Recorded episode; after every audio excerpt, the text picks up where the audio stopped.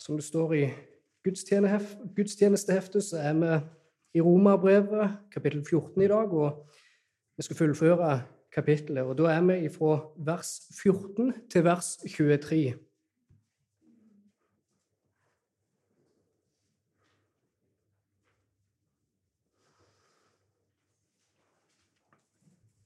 Hør Herrens ord. Det vet jeg, og det er jeg overbevist om ved Herren Jesus, at ingenting er urent i seg selv.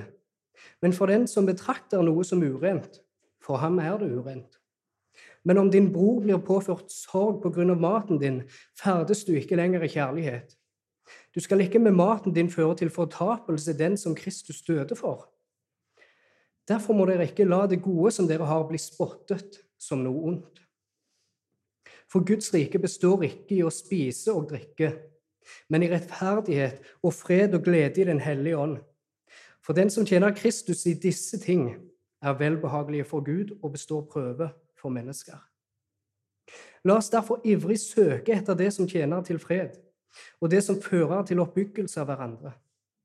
Ødelegg, ødelegg ikke Guds verk for matens skyld. Alle ting er nok rene, men det er ondt for det mennesket som spiser og tar anstøt. Det er godt å la være å spise kjøtt eller la være å drikke vin eller å la være å gjøre noe annet som får din bror til å snuble eller ta anstøt eller å bli svak. Har du tro? Ha den for deg selv framfor Gud. Salig er den som ikke dømmer seg selv i det han velger. Men den som tviler, er dømt hvis han spiser. For det er ikke av tro. For det som ikke er av tro, er synd. Så langt lesinga av Guds ord. Og det har lagt merke til i det siste at uh, når vi skal lese dagens tekst, så har vi sagt 'Hør Herrens ord' før vi begynner å lese teksten. Og når vi er ferdige å lese teksten, så sier vi 'så langt lesing av Guds ord'. Og det er enkelt og greit bare for å vise at uh, når vi sier 'Hør Herrens ord', så er det faktisk Guds ord vi hører lest nå.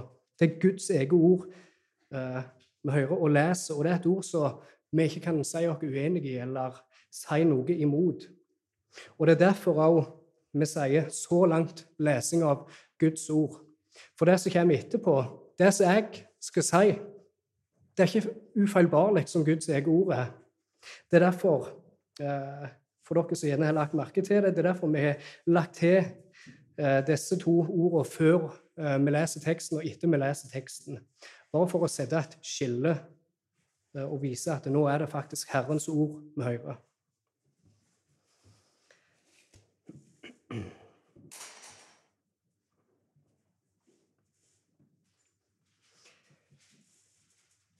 Når Gud frelser et menneske, så erklærer han det mennesket for rettferdig.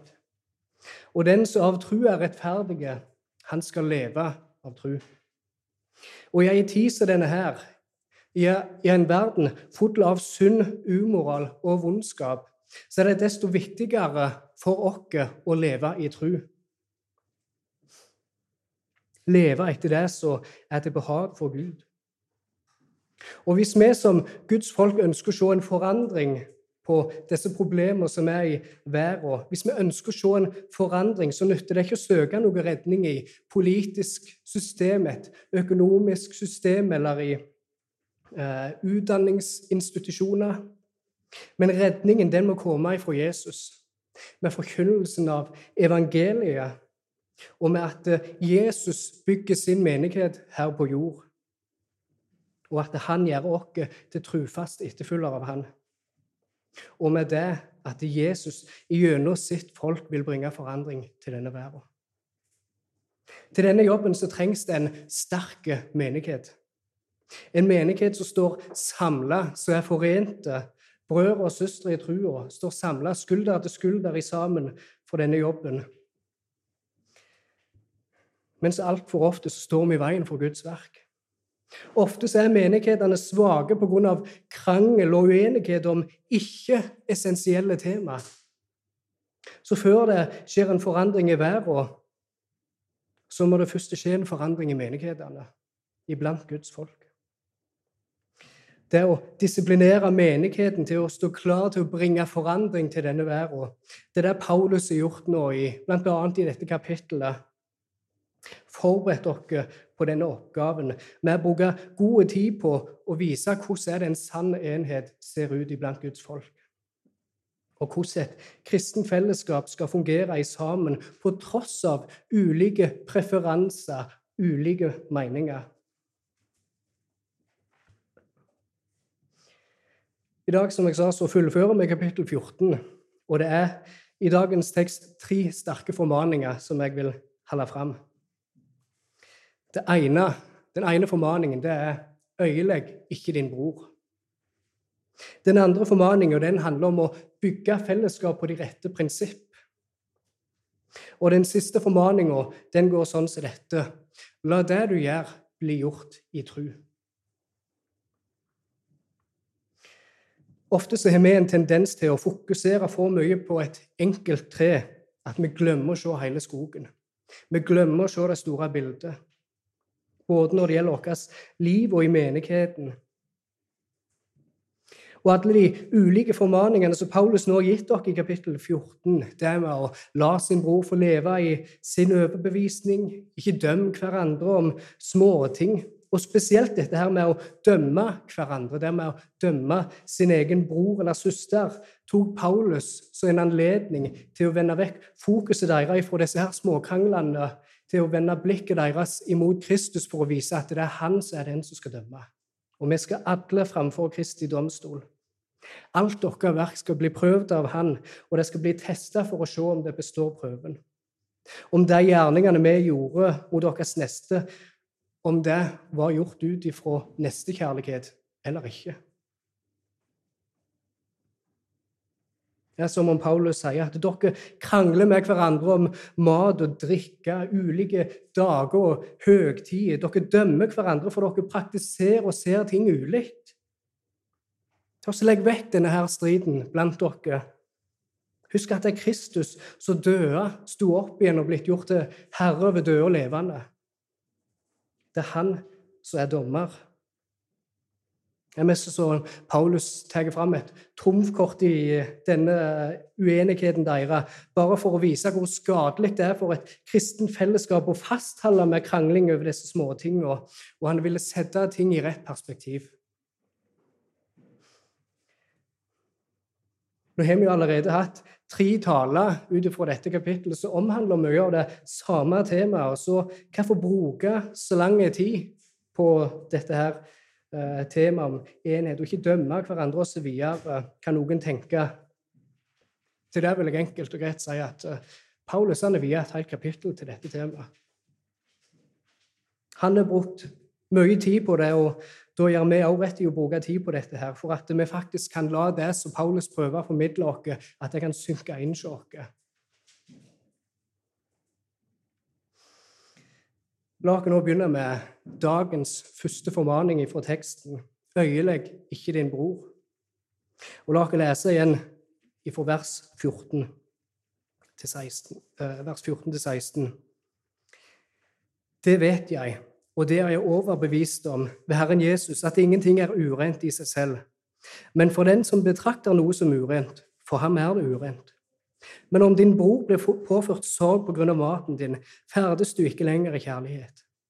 Du skal ikke med maten din føre til fortapelse den som Kristus døde for.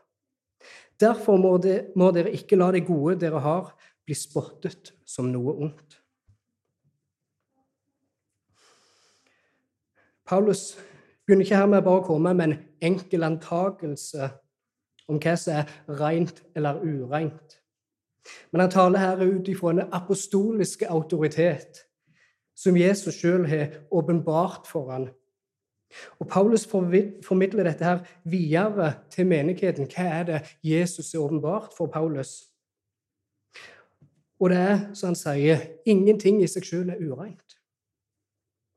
Og dette her ingenting må forstås i lys av den konteksten vi er i i denne teksten. For Paulus prøver ikke her å si at det ikke fins noe som helst vondskap i verden. Hor, drap, stjeling, lyging det er fremdeles vondt. Og det er umoralsk. Men når det kommer til spørsmål om mat eller drikke, så er ikke det, noe av dette her i seg sjøl ureint. Og dette var faktisk et viktig poeng for Paulus å få fram. For blant de første jødiske kristne spesielt så var dette et tema for stor debatt, som vi kan lese om bl.a. i apostelgjerningene 15, om apostelmøtet i Jerusalem. Gud hadde gitt israelsfolket lover om hva som var rene og ureine dyr. Hva de fikk lov til å ete, og hva de ikke fikk lov til å ete. En kan bl.a. lese om det i 3. Mosebok 11 og 5. Mosebok 14. Gud ga disse spesifikke eh, lovene om ulike dietter pga. at eh, israelsfolket skulle være et hellig folk, ulikt fra alle andre nasjoner. Men når vi er i apostelgjerningene kapittel 10, så leser vi en spesiell og interessant historie når apostelen Peter får et syn. Et syn av en duk som er knyta i alle fire hjørnene og kommer ned til jorda. Og det står at alle firbeinte dyr var oppi denne her duken. Gud sa til Peter, 'Reis deg, slakt og ed'. Peter svarte og sa at uh, han ville ikke. Han hadde aldri spist noe som var ureint eller vanhellig. Men Gud sa til Peter det at det, jeg, altså det Gud har rensa, skal ikke kalles for vanhellig. Med Jesus sitt komme og med hans oppfyllelse av loven, og at det nå er en ny administrasjon av loven, så skjedde det en forandring her òg. Nå var det ikke de samme krav om ulike dietter, men nå var all type mat rensa av Gud. Og den, denne autoriteten, det som Gud sa til Peter her, det er ut ifra samme autoritet som Paulus òg snakker i dagens tekst. Han snakker ut ifra en åpenbaring han har fått ifra Jesus, og sier at ingenting når det kommer til mat eller drikke, er ureint i seg sjøl. Han sier det med sikkerhet. Men for den som fremdeles betrakter noen form for mat så ureint, for han er det ureint. Og det vil være synd for han å ete av dette hvis han ikke kan gjøre dette i tru eller med god samvittighet. Og Det er jo dette som Paulus er i tankene når han skriver her. Han har en genuin omsorg for den enkelte sin tru og sin samvittighet. Og Han kommer jo her med en formaning til de som han betrakter som sterke i menigheten. De som har en sterk samvittighet til å faktisk kunne ete all slags mat eller drikke all slags drikke. Hvis en sterk broder utøver sin frihet til å kunne ete og drikke hva som helst, og han gjør det på en måte som er framfusende, ønsker å vise det fram for alle andre, vise hvor sterk han er, hvor store frihet han, han har, så ferdes han ikke lenger i kjærlighet. Og ikke bare er det en mangel på kjærlighet der, men det er faktisk en fariseersk holdning. For som en kristen så kan en være sterk i sin overbevisning om hva Bibelen sier om visse temaer. En kan ha en sterk overbevisning ut ifra Guds ord om at det er greit å ta seg et glass med vin. Men selv om man gjerne er sterk der, har sterk overbevisning ut ifra Guds ord, så kan en være moralsk svak en annen plass. Nemlig i mangel på å vise nestekjærlighet, omsorg for sin neste, sin svakere bror. Og Her er det som om Paulus gjentar Jesus sine, ifra, nei, sine ord fra Matteus 15, når fariseerne kritiserte disiplene til Jesus for at de ikke vaska hendene sine før de åt, og at de brau de eldste sine forskrifter, som det står. Og det her også i vers 17 av Jesus kommer med dette poenget at det er ikke det som går inn i moen, som er ureint, men det er det som går ut av moen, som er ureint hos et menneske for ut ifra hjertet kommer det vonde tanker, hor, drap osv. Det er hjertet som er vondt. Problemet ligger ikke i det eksterne, det ligger ikke i maten eller drikka. Problemet ligger i menneskehjertet. Det er der problemet ligger, og det er der Jesus prøver, uh, prøver å poengtere der. Og Vi kan også se i Jesus sin vedtale til fariseerne i Matteus 23 så kan en lese at Jesus sier til dem i vers 25.: Ved dere skriftlærde og fariseere, dere hyklere. For dere er som hvitkalkede graver som nok ser vakre ut utenpå, men som innvendig er fulle av, eh, er fulle av dødningebein og all urenhet. Fariseerne var opptatt av holde detaljene i loven men de forsømte det som var tyngre, vekte tyngre i loven. Retten, miskunnheten og trua. De var sterke på detaljene, men de var svake i etikken i loven. Og Dette er en holdning som Paulus advarer den sterke mot å falle i. En fariseerske holdning. For som en sterk kan du gjerne med god samvittighet ta deg et glass med vin. Men om du gjør dette i form av å vise deg fram, se hvor sterk jeg er, se hvor sterk tro og samvittighet jeg har Og hvis dette da gjør skade på din bror, så ferdes du ikke lenger i kjærlighet. Du bryr deg ikke lenger om hva som kan bygge opp din bror, men du er mer opptatt av å vise fram din egen frihet framfor andre.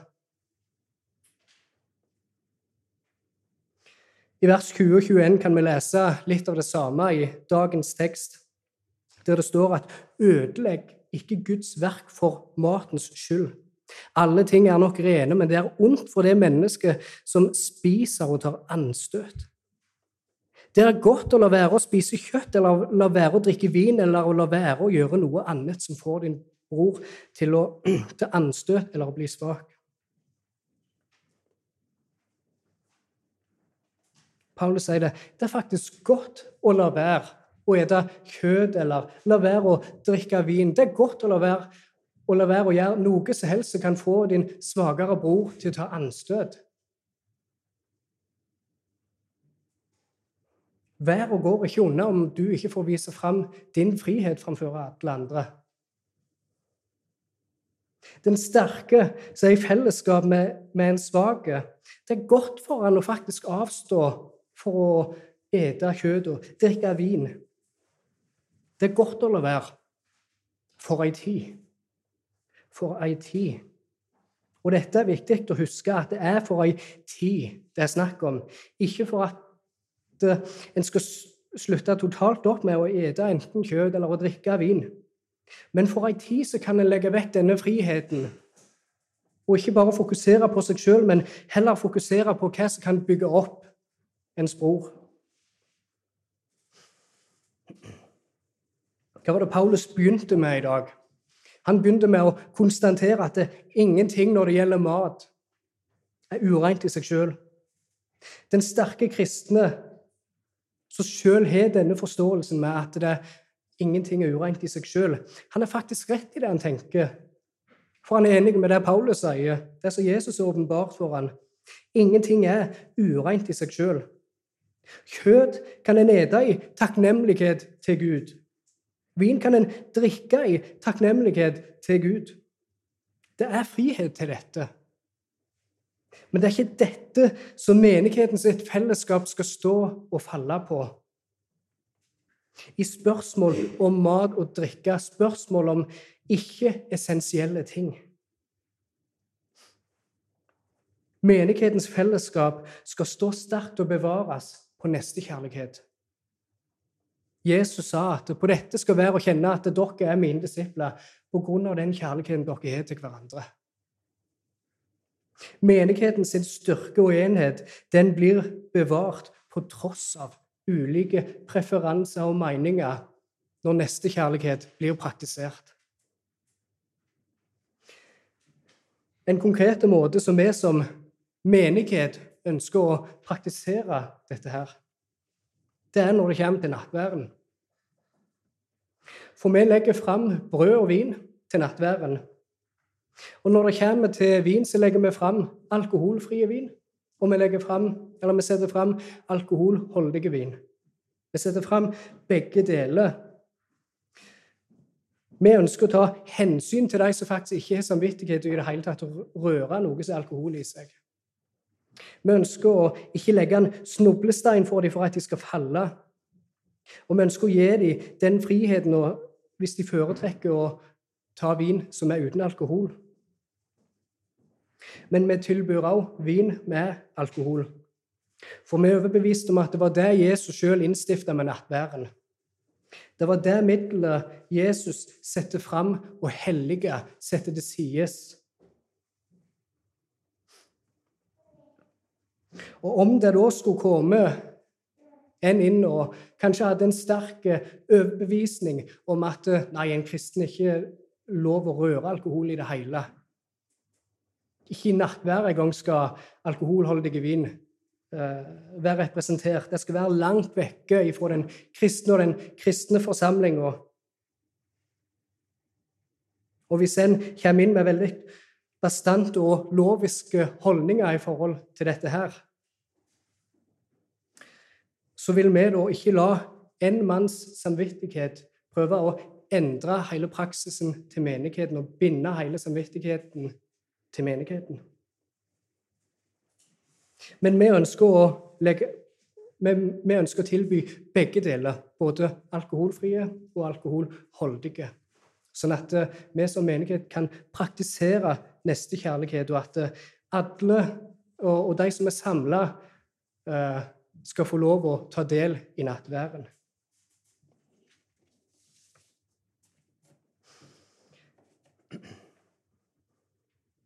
Det at vi skal avstå fra å spise kjøtt eller å drikke vin, og at dette her i seg sjøl er godt. Det er ikke bare godt, men det er nødvendig. For vi skal ikke gå fram egoistisk imot vår bror, og at vi med vår frihet skal føre han til fall. Og hva er det Paulus bygger hele dette her på? Jo, Kristus døde for din bror. Kristus døde for din svake bror som er blant deg. Jesus han var villig til å ydmyke seg sjøl, ta på seg en menneskeskikkelse, komme ned iblant dere og vandre blant dere. Han var en synderes venn. Og din bror, da, som du gjerne feiler å vise kjærlighet til Jesus viste kjærlighet til han. Jesus viste kjærlighet til din bror med at han valgte å gå i døden for han.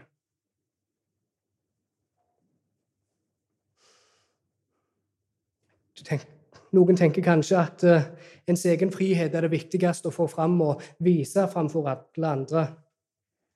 Så bare husk det at uh, Jesus han ga seg sjøl for deg og din bror.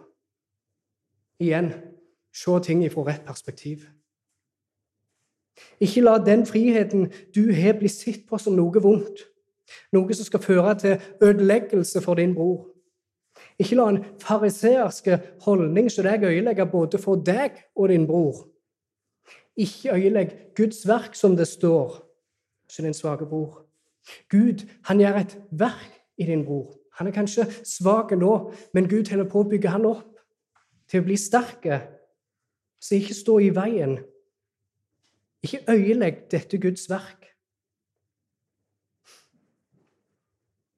Ikke øyelegg og ikke la din frihet føre til din brors fall. Men ønsker vi å bygge et sterkt fellesskap, så er det vi må gjøre, det at vi må bygge sterke fellesskap på de rette prinsipp. Så da leder dere inn på den neste formaningen i dagens tekst. Vi kan da lese fra vers 17 av.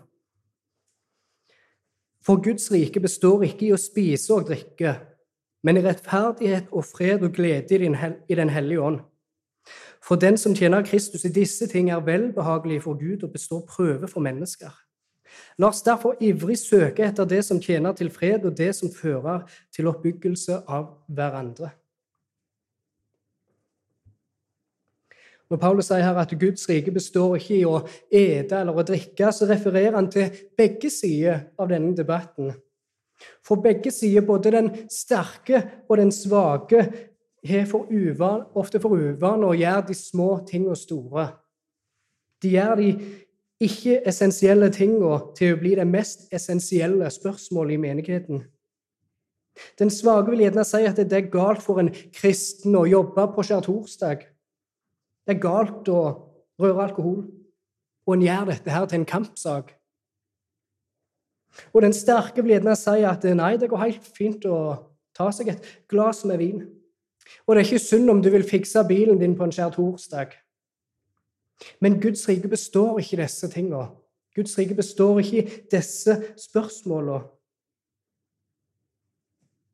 er, hvis det er disse små tingene som er i fokus iblant menigheten, ja, da er det blitt akkurat så med fariseerne som Jesus i Matteus 23 anklagte for å glemme de tyngre ting i loven. Glemme det viktige fokuset. Guds rike det består i rettferdighet, fred og glede i Den hellige ånd. Målet i det kristne livet det er ikke åndelighet eller fromhet. Men målet for det kristne livet det er rettferdighet. Vi er kalt til å søke et liv i rettferdighet. Fromhet og åndelighet det kan være middel for å nå fram til dette målet. Men det er ikke selve målet i seg sjøl, men heller rettferdighet. Denne rettferdigheten den har vi jo ikke av oss sjøl. Dette er en rettferdighet som er gitt dere av Gud. Jesus sier at eh, søk først Guds rike og hans rettferdighet, så skal alt annet bli gitt deg i tillegg. Søk først den rettferdigheten som vi virkelig trenger, som vi kun kan få av Gud. Så søk Gud. Og la Den hellige ånd få utruste deg til å leve et liv i rettferdighet. Guds rike består i fred. Fred med Gud på grunn av Jesus sitt frelsesverk, og fred med dine medmennesker. Profeten Jeremia beskriver falske profeter som profeterer om fred, fred, når det ikke var noe fred. Mange kan være frista til å bare rope ut dette her hver gang det skulle dukke opp noen form for teologiske diskusjoner blant Guds folk. En ønsker, uh, for en mener at det bare kan All form for diskusjon er splittelse med en gang, og en ønsker å unngå det for hver en kost. Eller nei, for hver en pris. Og dette her er noe som Luther kalte for en kjødelig fred som heller kommer av en feighet. Samtidig er vi ikke kalt til å søke etter debatt i de små tingene. Vi er ikke kalt til å provosere dem fram og gjøre noe stort nummer av det. Det fins en balansegang i dette her. Men det overordna prinsippet for oss er at det er Guds fred som skal prege vårt liv og vårt fellesskap. Fred med din bror og søster. Fred med Gud. Han som eh, Fred med Jesus, som er, eh, som er fredsfyrsten, og som har skapt fred iblant imellom oss og Gud. Guds rike består i glede i Den hellige ånd, står det òg. Den gleden handler ikke om at du har en glede av over å ha det teologiske rette synet, eller at en sterk bror har det rette synet framfor en svakere bror. Det er ikke en sånn glede det er snakk om. Men denne gleden det er et Guds verk. Denne gleden er et Guds verk. En glede som han skaper i oss av at han har rettferdiggjort oss. Og han har skapt fred hos oss gleden over frelsen og at vi har fått borgerskap i Guds rike.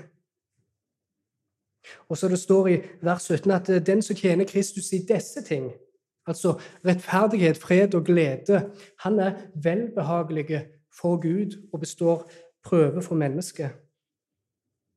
Å tjene Kristus kan også referere til mat og drikke, av at hele livet vårt skal være en gudstjeneste for Gud. Hele livet vårt, alle aspekter av livet vårt, skal være en tjeneste for Gud. Så enten vi et eller drikker, ja, hva enn vi gjør, så skal vi gjøre det til Guds ære. Det nytter ikke å tjene Jesus med å velge vekk ett prinsipp som han har sett fram og følge, eller med å legge vekk et annet. Budet om å elske vår neste kan ikke skilles ifra det å elske vår Gud. Disse to tingene er knytta sammen. og det er enten begge eller ingenting hos oss. Elske Gud og elske mennesket for at vi skulle kunne være en god Kristi tjener.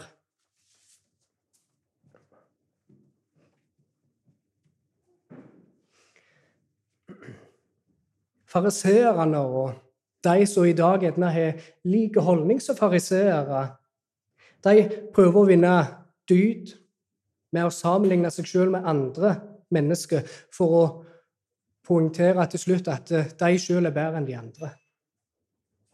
Men en kristen, en kristen vinner dyd med å elske Gud og elske sin neste. Med å være lydige til Gud og hans befalinger og det å vandre i rettferdighet. En kristen som vandrer i tru og som lever etter de tre prinsipper som er nevnt her, som Guds rike består av, rettferdighet, fred og glede i Den hellige ånd, han er til behag for Gud og består prøver som menneske. Det er ikke ultimat sett hva andre mennesker tenker om oss, som skal være det bærende for oss, og som skal være standarden for oss, hvordan vi skal leve. Det er ikke de og deres meninger som skal være standarden vår, men vi skal samtidig ikke forakte deres mening.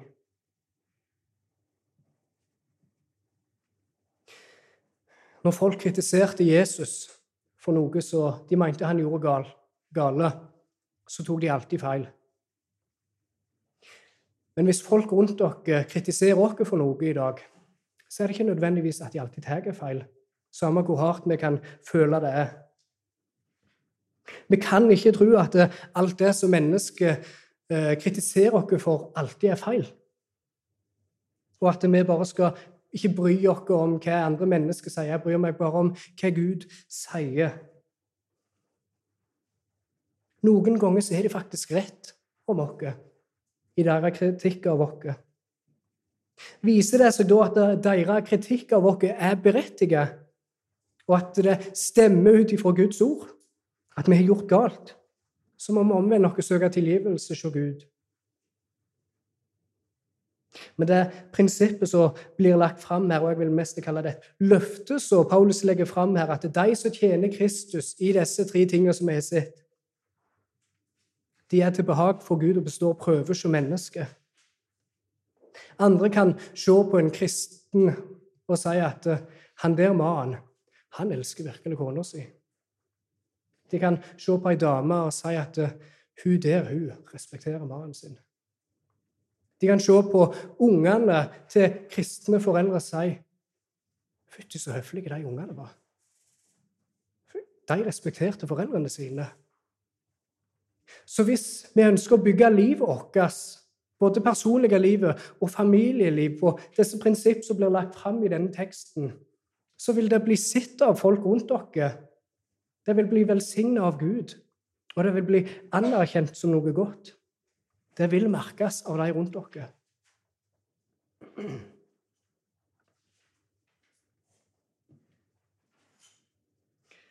Når Paulus nå har lagt fram for oss hva som Guds rike faktisk består i, så kommer han med et kall til aksjon. Ikke noe som skal bare være en fin ting å tenke på, men noe som vi ivrig skal søke etter, som vi kan lese i vers 19. La oss derfor ivrig søke etter det som tjener til fred, og det som fører til oppbyggelse av hverandre. Vi skal søke etter det som tjener til fred, og det som er til oppbyggelse for hverandre. I Romerne 13 så leste vi at eh, kjærligheten ikke gjør vondt mot sin neste. Kjærlighet, neste kjærlighet, det er da altså lovens oppfyllelse. Guds lov, det er veien til fred iblant Guds folk. Men ingen kan leve ut dette her uten å være i Jesus Kristus og vandre i tru til Han. Freden som vi ivrig skal søke etter, det er den freden som Jesus gir oss. Den fred som overgår all forstand, Freden som Kristus er etterlatt dere, ikke den som verden tilbyr dere, men den som Han tilbyr dere. Den sanne fred som vi bare kan få hos Han. Han som er fredsfyrsten som bringer fred iblant mennesker på jord. Søk etter fred og det som også tjener til oppbyggelse. Poenget er ikke at vi alltid skal få det som vi vil, at vi skal vifte flagget vårt av frihet og vise hvor sterke vi er, eller hvor stor frihet vi, uh, har, og basunere dette her ut. For det kan være til ødeleggelse for den svakere bror iblant uh, forsamlinga. Dette kan øyelegge Guds verk. Men legg ned dine friheter. Legg ned din vilje, legg ned din trang til at du sjøl skal bli stor og vise deg fram. Og søk heller etter det som er til oppbyggelse for din bror. Hvis du er blitt overbevist ut ifra Guds ord om at det er greit å gjøre enten det ene eller andre, at det er greit å drikke vin, det er greit å se film, det er greit å spille kortspill, høre på rap eller rock, f.eks. Så ta den anledningen Dette at jeg har gitt deg at Guds ord har overbevist deg og gitt deg denne friheten, så ta denne anledningen til bruk tid med din svakere bror i plassen for. For å bygge opp han. Han som kanskje har en svakere samvittighet. Gå med han. Og ikke forvente at folk skal forandre seg på et øyeblikk. Ting tar tid. Helliggjørelse er en prosess. Guds verk tar tid som menneske. Og vi må ikke stå i veien for hverandre der.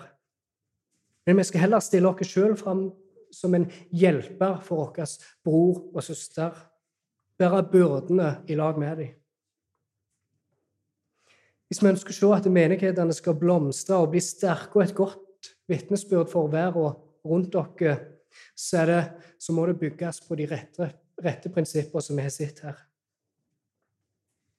La oss nå gå over til den siste formaningen i teksten. At det å la det du gjør, bli gjort i tru. Og Vi kan lese vers 22 og 23. Har du tro, ha den for deg selv framfor Gud. Salig er den som ikke dømmer seg selv i det han velger. Men den som tviler, er dømt hvis han spiser. For det er ikke av tro. For det som ikke er av tro, er synd. Her er det en siste formaning til den sterke. At hvis du har tro, hvis du har sterk overbevisning, så ha den for deg sjøl. Som allerede nevnt, ikke gå rundt og vis for alle andre hvor sterk du er. Ha den overbevisninga du har for deg sjøl og framfor Gud. Og husk igjen den sterke overbevisningen du eventuelt har, du hadde ikke hatt den hadde det ikke vært for Guds verk i deg. Du hadde ikke hatt den sterke tro og overbevisning hadde det ikke vært for Guds verk i deg. Du skal ikke rope ut dette her for så å kunne stå i fare for at det, det gode du har, kan bli sett på som noe vondt blant de rundt deg.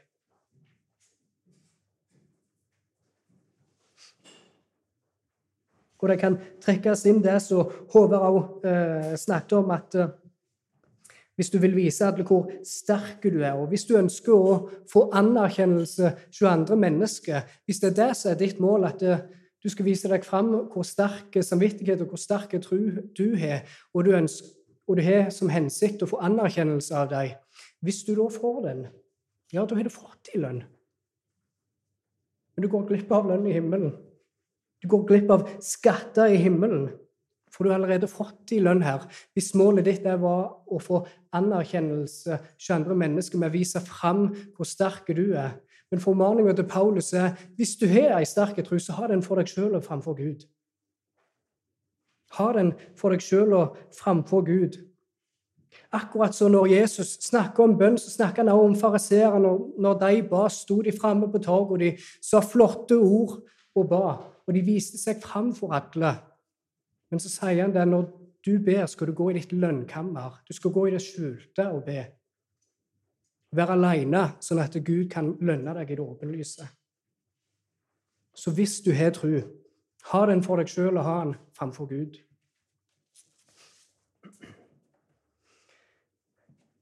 Så kommer jo Paulus om et herlig ord i dette verset, at salige er den som ikke dømmer seg sjøl i det han gjør glad og lykkelig, velsigna den som ikke dømmer seg sjøl i det han gjør, og det han er tro for. Hvis du kan ete all slags mat, hvis du kan nyte av vin, hvis du kan se film, hvis du kan høre på ulike typer musikk, Hvis du kan gjøre dette med god samvittighet, da er du salig. Du er glad og lykkelig over dette, at du faktisk kan få nyte av den friheten du har til å gjøre disse ulike tingene. Du er glad på grunn av at du kan utøve den trua du har, og den samvittigheten du har fått av Gud. Men hvis du vil utøve din frihet blant andre, så sørg for at det skjer i rette omstendigheter. At det skjer blant folk som du kjenner og vet hvor står. Og ikke blant de som kan ta anstøt av dette. Så din styrke, det er en velsignelse for deg. Hvis dette fører til vekst hos deg i trua på Gud og i vandringa med Han. Om du kan ete noe i tru, så gjør du rett. Om du eter noe du ikke har samvittighet for å ete, men likevel velger å ete, så er det synd. Eksempelet med mat og drikke er ofte nevnt i kapittelet her. For som allerede sitt så var både kjøtt og vin brukt i avgudsoffer. Og en sterk kristen han kunne veldig lett ete alt slags mat og drikke som var sett framfor han. Han kunne, om det var kjøpt på et marked og brukt i, i uh, avgudsoffer, så hadde ikke det noe for han å si. For han kunne skille imellom handlingen med avgudsofringa og skille med den fysiske gjenstanden av mat eller drikke. Kunne skille mellom disse to tingene og se på kjøtt eller å drikke og si at dette her er rent, for Gud har gjort det rent. Han kunne skille mellom disse her tingene. Men faren der det er at den svake bror som gjerne ikke vil verken røre kjøtt eller å drikke vin, og gjerne ser på det som blir sett framfor han av mat og drikke. Og hvis han drikker dette, så er faren at han faktisk synder med å gjøre det. For hvis han fremdeles ser på denne maten som ble tilbudt til han, noe som var brukt til avgudsoffer, noe som han ikke hadde samvittighet til å ete. Men han åt gjerne for at han så alle andre åt det. Da gjør han synd. Hvis han ikke kan gjøre det i tro om en sterk samvittighet. Hvis den svake bror da et eller drikker med en dårlig samvittighet, så synder han og fører øyeleggelse over sin egen samvittighet. Hvis en er usikker på om Gud tillater eller forbyr visse ulike form for mat, drikke, film, musikk, hva det enn skulle være, hvis en er usikker i disse spørsmål, men likevel tar del i dette, så er dette synd. Det er en forbrytelse mot sjela vår å gå imot vår egen samvittighet. Martin Luther sine ord, selv om dette var i en annen kontekst, når han hadde denne her kjente 'Here I Stand'-talen i eh, Worms, når han skulle, ble bedt om å forsvare eller fjerne skriftene sine, så sa han det at eh, 'min samvittighet er fanga til Guds ord'. Jeg kan ikke og vil ikke trekke tilbake noe. For det er verken trygt eller godt å gå imot min samvittighet. Her står jeg. Jeg kan ikke noe annet, så hjelp meg, Gud. Det er verken trygt eller rett å gå imot samvittigheten, sa Luther. Og det hadde han veldig rett i. For å gjøre det, det er å synde. Hvis du ikke kan gjøre noe med en sterk overbevisning om at noe er objektivt rett å gjøre, enten av mat eller å drikke Hva er rett overfor en svakere bror å gjøre? I disse spørsmålene og i disse ting. Hvis en blir tilbudt mat eller drikke eller å gjøre noe annet, så er han usikker på om det er greit å gjøre. Hva er rett for den svakere bror å gjøre da? La være. La være å gjøre det så uh, La være å gjøre noe som helst som kan gå imot din samvittighet. La være å gjøre det. Hold deg, vekk, hold deg vekke fra det. Det kan være andre rundt deg som er sterke og har samvittighet til å gjøre ting som du gjerne sjøl ikke har samvittighet til å gjøre.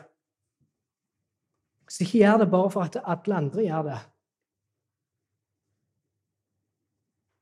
Som en svak bror, anerkjenn at du sjøl er det. Anerkjenn at du sjøl er på ei vandring Du er kanskje en svak samvittighet nå, men Gud holder på å bygge noe i deg. Gud holder på å bygge et verk, gjøre et verk i deg og bygge en sterk samvittighet. Men la ting ta tid. Helliggjørelse, som jeg sa, det er en prosess. Et godt verk som Gud bygger, det tar tid. Det skjer ikke på et blunk eller på et knips. Så anerkjenn at vi er på forskjellige stadier i vår vandring med Herren. Ha omsorg med hverandre og forståelse med hverandre for det. La dette her være en prosess der, der Gud og dine brødre og søstre rundt deg også kan være til hjelp for deg. Anerkjenn at du er i den posisjonen du er i i dag, og ikke forakt det. For Gud jobber i deg. La Gud få bygge opp en sterk tro og sterk samvittighet hos deg, så du kan vokse enda nimmere til Gud.